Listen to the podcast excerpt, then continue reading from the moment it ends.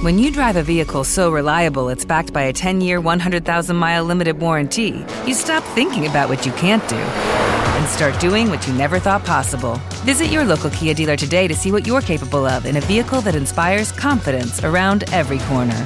Kia, movement that inspires. Call 800 333 4KIA for details. Always drive safely. Limited inventory available. Warranties include 10 year 100,000 mile powertrain and 5 year 60,000 mile basic. Warranties are limited. See retailer for details. Hello, it is Ryan, and I was on a flight the other day playing one of my favorite social spin slot games on chumbacasino.com. I looked over the person sitting next to me, and you know what they were doing?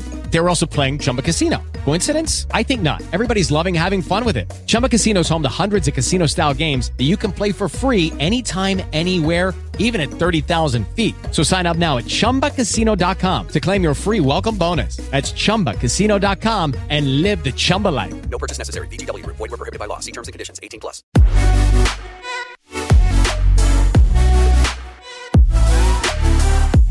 Witajcie moi drodzy. Ja nazywam się Agnieszka Kolbuch-Wągiel i jestem adwokatem, partnerem w kancelarii Ipso Legal, a to jest Prawna Posesja, czyli podcast o najciekawszych zagadnieniach oraz najbardziej frapujących problemach dotyczących prawa nieruchomości.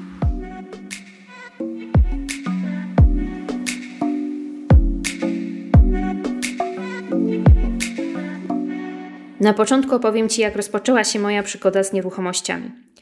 Z nieruchomościami miałam styczność od dziecka z racji zawodu, jaki wykonują moi rodzice. Wtedy jednak wydawało mi się, że nieruchomości tak naprawdę nie mają aż tak wielkiego znaczenia. Studia na Wydziale Prawa i Administracji UJ tylko utwierdziły mnie w tym przekonaniu. Na zajęciach z prawa cywilnego prowadzący spychali prawo rzeczowe dotyczące m.in. nieruchomości na boczny tor, a ich uwaga skupiała się przede wszystkim na prawie zobowiązań. I prawda jest taka, że jako studenci prawa marzyliśmy tylko o tym, żeby obsługiwać wielkie zagraniczne transakcje i nikt nie myślał, żeby zajmować się prawem nieruchomości czy też szeroko pojętym prawem rzeczowym. I dlatego podczas studiów rozpoczęłam pracę w jednej z największych kancelarii w Polsce i zaczęłam współpracować z jednym z jej partnerów, który zajmował się fuzjami i przejęciami przedsiębiorstw. Przedmiotem tych transakcji były również nieruchomości. I mogę powiedzieć, że dopiero wtedy opadły mi klapki z oczu i zrozumiałam, że nieruchomości pod każdym względem i w każdym aspekcie życia człowieka, czy też bytu prawnego przedsiębiorstwa, mają niebagatelne znaczenie. I od tej pory, czyli od prawie 8 lat, zajmuję się głównie nieruchomościami i moja miłość do nieruchomości ani trochę nie osłabła. A wszystko to zaczęło się od zleconego mi zadania przygotowania due diligence nieruchomości, która miała zostać nabyta przez wielką międzynarodową korporację. I dlatego dzisiaj, w pierwszym odcinku mojego autorskiego podcastu, opowiem Ci, co to jest due diligence nieruchomości, na czym polega i dlaczego jest on taki ważny. Due diligence to nic innego jak kompleksowy audyt nieruchomości. W ramach tego audytu przeprowadzamy kompleksowe badanie stanu prawnego i faktycznego nieruchomości oraz przygotowujemy dla klienta raport z przeprowadzonych badań. I tego klienta na potrzeby tego podcastu nazwijmy sobie inwestorem. I co wchodzi w zakres tych badań, czy też jest przedmiotem tego raportu? Tak naprawdę zakres due diligence zależy od indywidualnych potrzeb inwestora. Pamiętam, że kiedyś przygotowywałam due diligence nieruchomości, w którym inwestor zażyczył sobie, aby zweryfikować, czy nieruchomość będąca przedmiotem transakcji ma dostęp do bocznicy kolejowej. I w tym przypadku musieliśmy również sprawdzić informacje na temat możliwości wybudowania bocznicy na terenie danej nieruchomości, zweryfikować, jaka jest procedura uzyskania pozwoleń, jakie są koszty uzyskania pozwoleń administracyjnych i jaki jest czas związany z uzyskaniem pozwoleń administracyjnych na budowę takiego torowiska. Dlatego zakres due diligence naprawdę może być różny i jako osoba przygotowująca due diligence jestem w stanie zweryfikować bardzo różne kwestie związane z daną nieruchomością lub kwestie, które mogą być związane z daną nieruchomością, jeżeli planujemy na niej przeprowadzenie jakiejś konkretnej inwestycji. I tak na bazie wszystkich due diligence nieruchomości, które dane mi było w mojej karierze przygotować, postaram się przybliżyć Ci najważniejsze kwestie, które obejmuje due diligence. I zacznijmy od początku. Raport due diligence zawiera przede wszystkim opis nieruchomości, a w szczególności jej położenie, wielkość i oznaczenie ewidencyjne. Następnie badamy rodzaj i zakres praw przysługujących do nieruchomości oraz strukturę właścicielską. Może się bowiem okazać, że osoba podająca się za właściciela nieruchomości nie jest jedynym właścicielem nieruchomości lub jest e, następcą prawnym właściciela nieruchomości i jej prawo nie jest ujawnione jeszcze w księdze wieczystej. Może się również okazać, że przedmiotem transakcji nie jest co prawda własność nieruchomości, ale prawo użytkowania wieczystego nieruchomości i własność budynków i budowli posadowionej na tej nieruchomości. Przypominam, że prawo użytkowania również funkcjonuje w obrocie prawnym i może być przedmiotem transakcji. Użytkownik wieczysty ma prawo do zbycia prawa użytkowania wieczystego. Dlatego takie uprawnienia warto zweryfikować. Następnie weryfikujemy stan prawdy nieruchomości wynikający z ksiąg wieczystych. I mogę powiedzieć, że dla mnie, jako osoby zajmującej się nieruchomościami, Księga Wieczysta Nieruchomości jest tak naprawdę prawdziwą kopalnią wiedzy i źródłem istotnych informacji dotyczących nieruchomości. Znam niestety bardzo wielu prawników, którzy z wyjątkiem informacji, kto jest właścicielem nieruchomości, nie potrafią z Księgi Wieczystej wyczytać nic więcej. Badamy również, czy nie zostały ustanowione jakieś obciążenia na nieruchomości, i takie informacje również znajdują się w Księdze Wieczystej.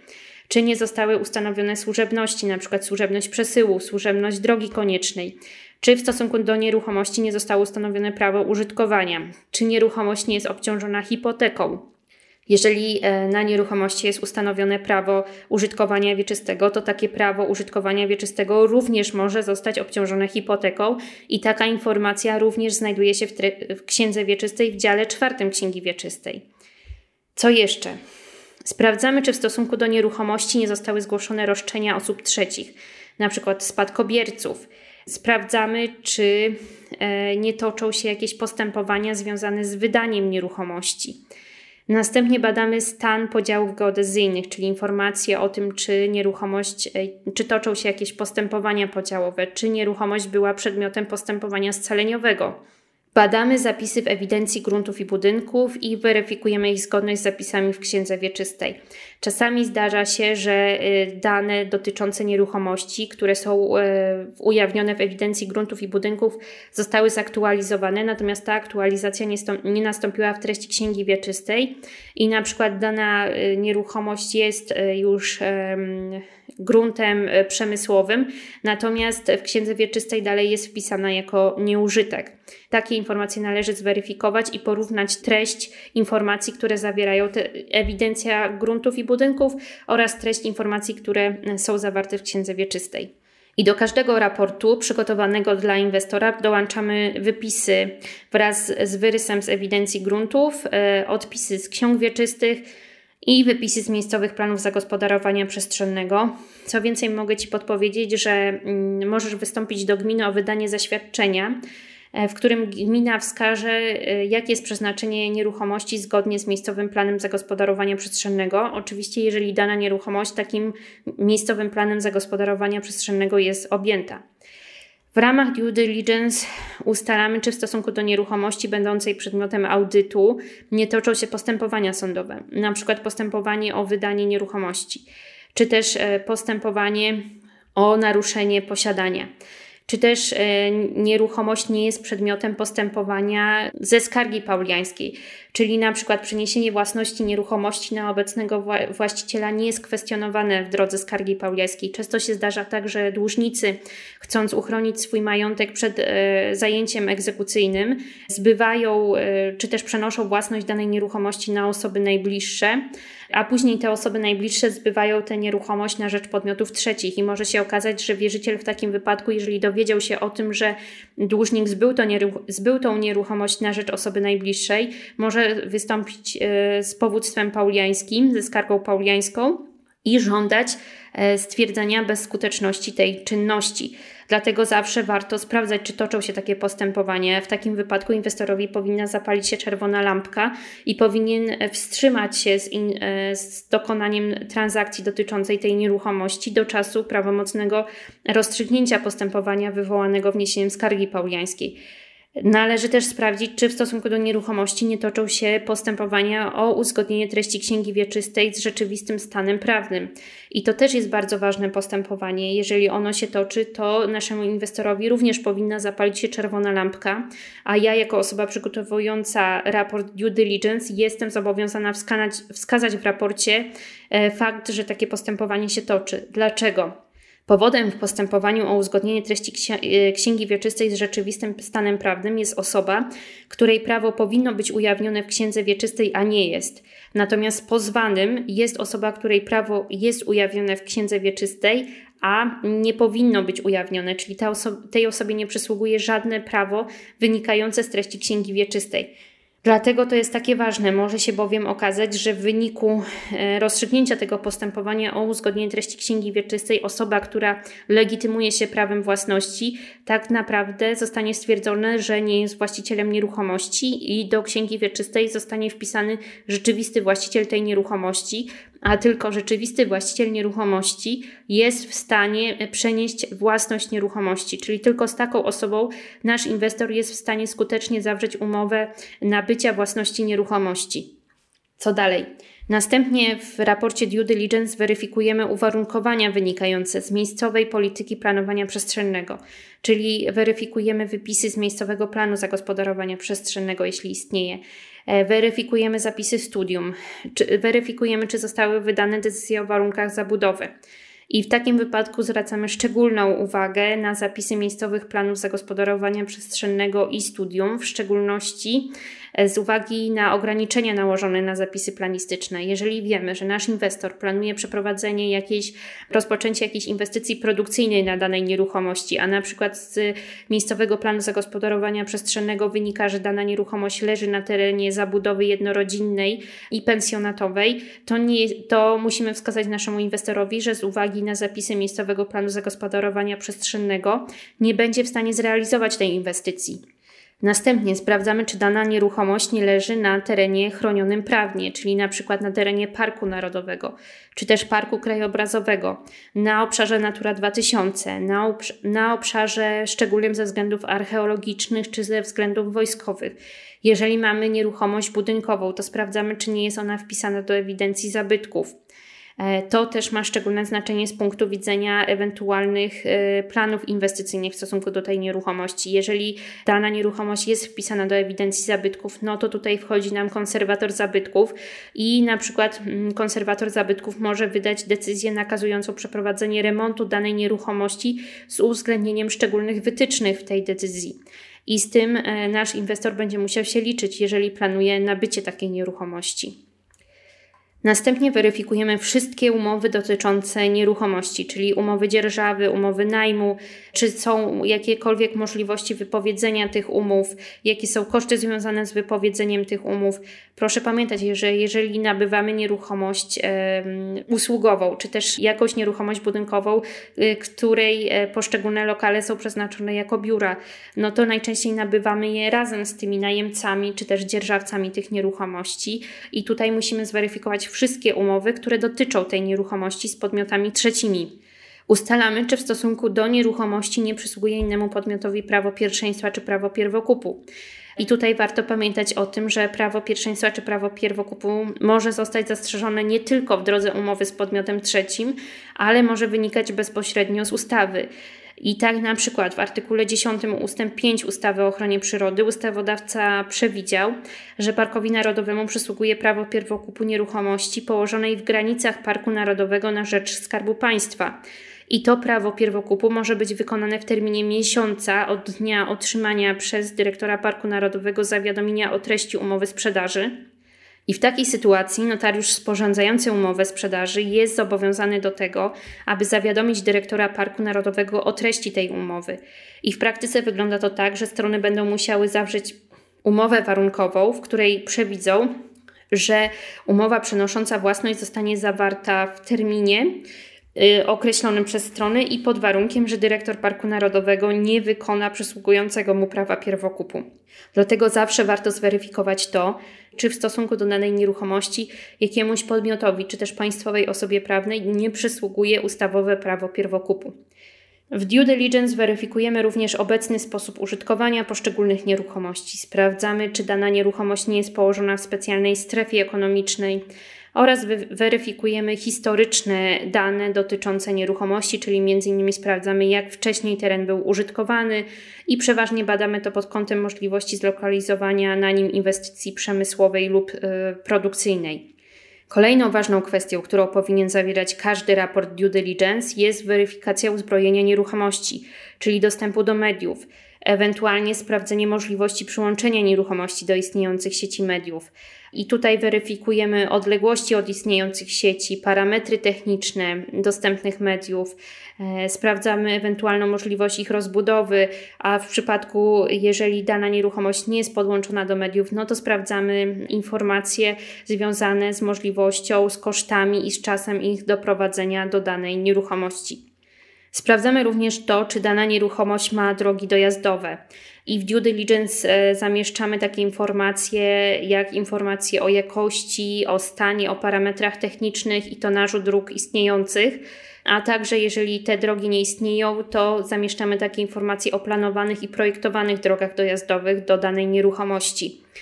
Na zlecenie inwestora weryfikujemy również to, czy dana nieruchomość posiada urządzenia melioracyjne, sprawdzamy stan zadrzewienia. E, to może wydawać się śmieszne, ale może się okazać, że część nieruchomości jest porośnięta e, drzewami lub krzewami e, i tu zwykle inwestorzy są zainteresowani tym, czy do ich wycięcia będą, będzie potrzebne uzyskanie pozwolenia oraz jakie będą koszty związane z uzyskaniem pozwolenia na wycinkę.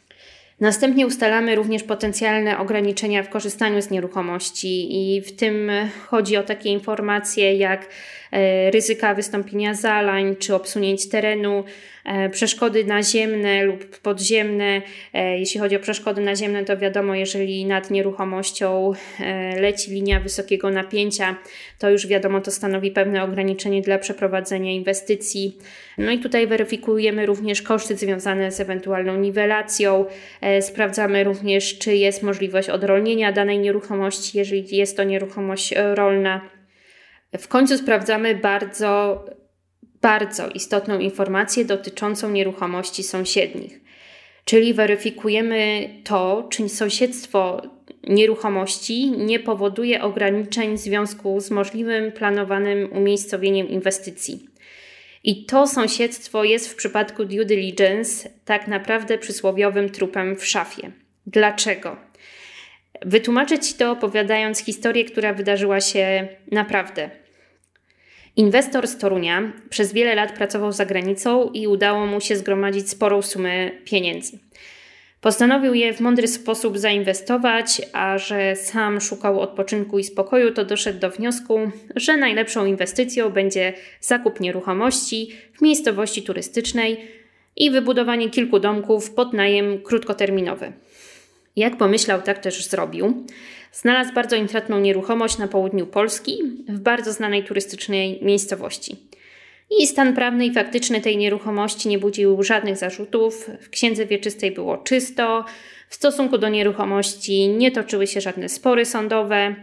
Stan właścicielski również nie budził żadnych wątpliwości. Nieruchomość miała dostęp do drogi publicznej, miała podłączone wszystkie media. Co więcej, była położona w bardzo pięknym miejscu, w sąsiedztwie lasu. E, nieruchomość była objęta miejscowym planem zagospodarowania przestrzennego, w którym wskazano przeznaczenie tej nieruchomości i nieruchomości sąsiednich pod zabudowę mieszkalną jednorodzinną i pensjonatową. Cena również była bardzo atrakcyjna i nasz inwestor zweryfikował wszystkie te kwestie i jakoś nie wzbudził jego podejrzeń fakt, że ogłoszenie o sprzedaży nieruchomości zostało zamieszczone dosyć dawno i inni inwestorzy nie zabijali się o tą nieruchomość. Dodam jeszcze, co również jest bardzo istotną kwestią w tej historii, że nasz inwestor nabywał nieruchomość zimą, a nieruchomości sąsiednie były przykryte grubą warstwą śniegu e, i pewnie dlatego nasz inwestor wtedy nie zauważył niczego niepokojącego. Nabył nieruchomość, uzyskał pozwolenia na budowę, przeprowadził całą inwestycję i jak budowa została zakończona, postanowił zamieszkać w jednym z domków na stałe, a pozostałe domki wynajmować turystom w ramach prowadzonej działalności gospodarczej. I możesz sobie tylko wyobrazić, jak wielkie było zdziwienie naszego inwestora, kiedy okazało się, że vis-a-vis jego nieruchomości właśnie tam, gdzie zaczynał się teren lasu.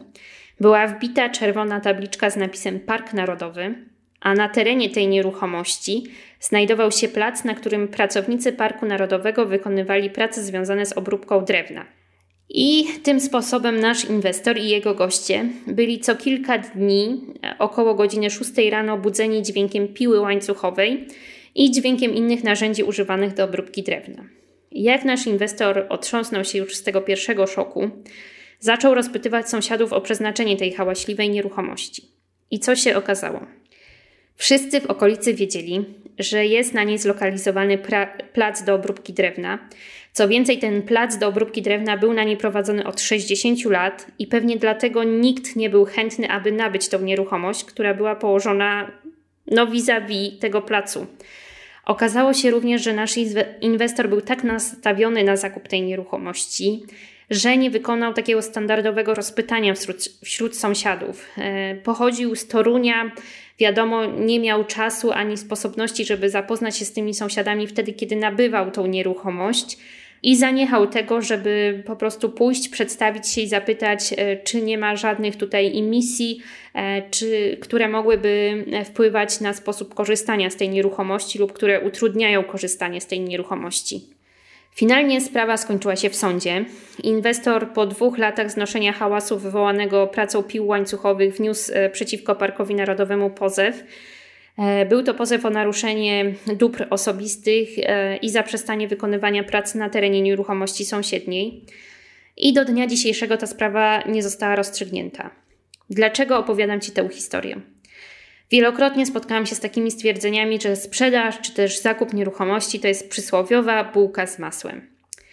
Niestety, z własnego doświadczenia wiem, że jeżeli zbierzemy i przeanalizujemy wszystkie dokumenty związane z nieruchomością, to wtedy dopiero widzimy czarno na białym, z jakimi problemami będziemy musieli się zderzyć w związku z nabyciem danej nieruchomości i chęcią przeprowadzenia na niej konkretnej inwestycji.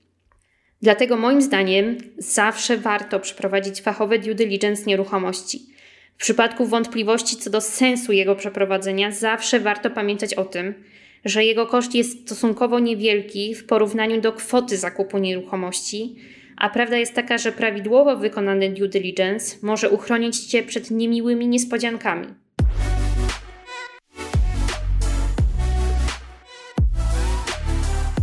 Jeżeli ten temat Cię zaciekawił, zapraszam do zadawania pytań i subskrybowania. Zapraszam Cię również do odwiedzenia naszej strony internetowej www.ipsolegal.pl. W zakładce podcasty znajdują się wszystkie dotychczasowe odcinki prawnej posesji. Jeżeli chcesz być na bieżąco z nowinkami dotyczącymi prawa nieruchomości, zapraszam Cię do śledzenia naszych kont w mediach społecznościowych na Facebooku i Instagramie oraz do dołączenia na Facebooku do grupy Prawna Posesja. Ja tymczasem dziękuję za dzisiejszy odcinek i już teraz zapraszam Cię na kolejny. Do usłyszenia w następnej prawnej posesji.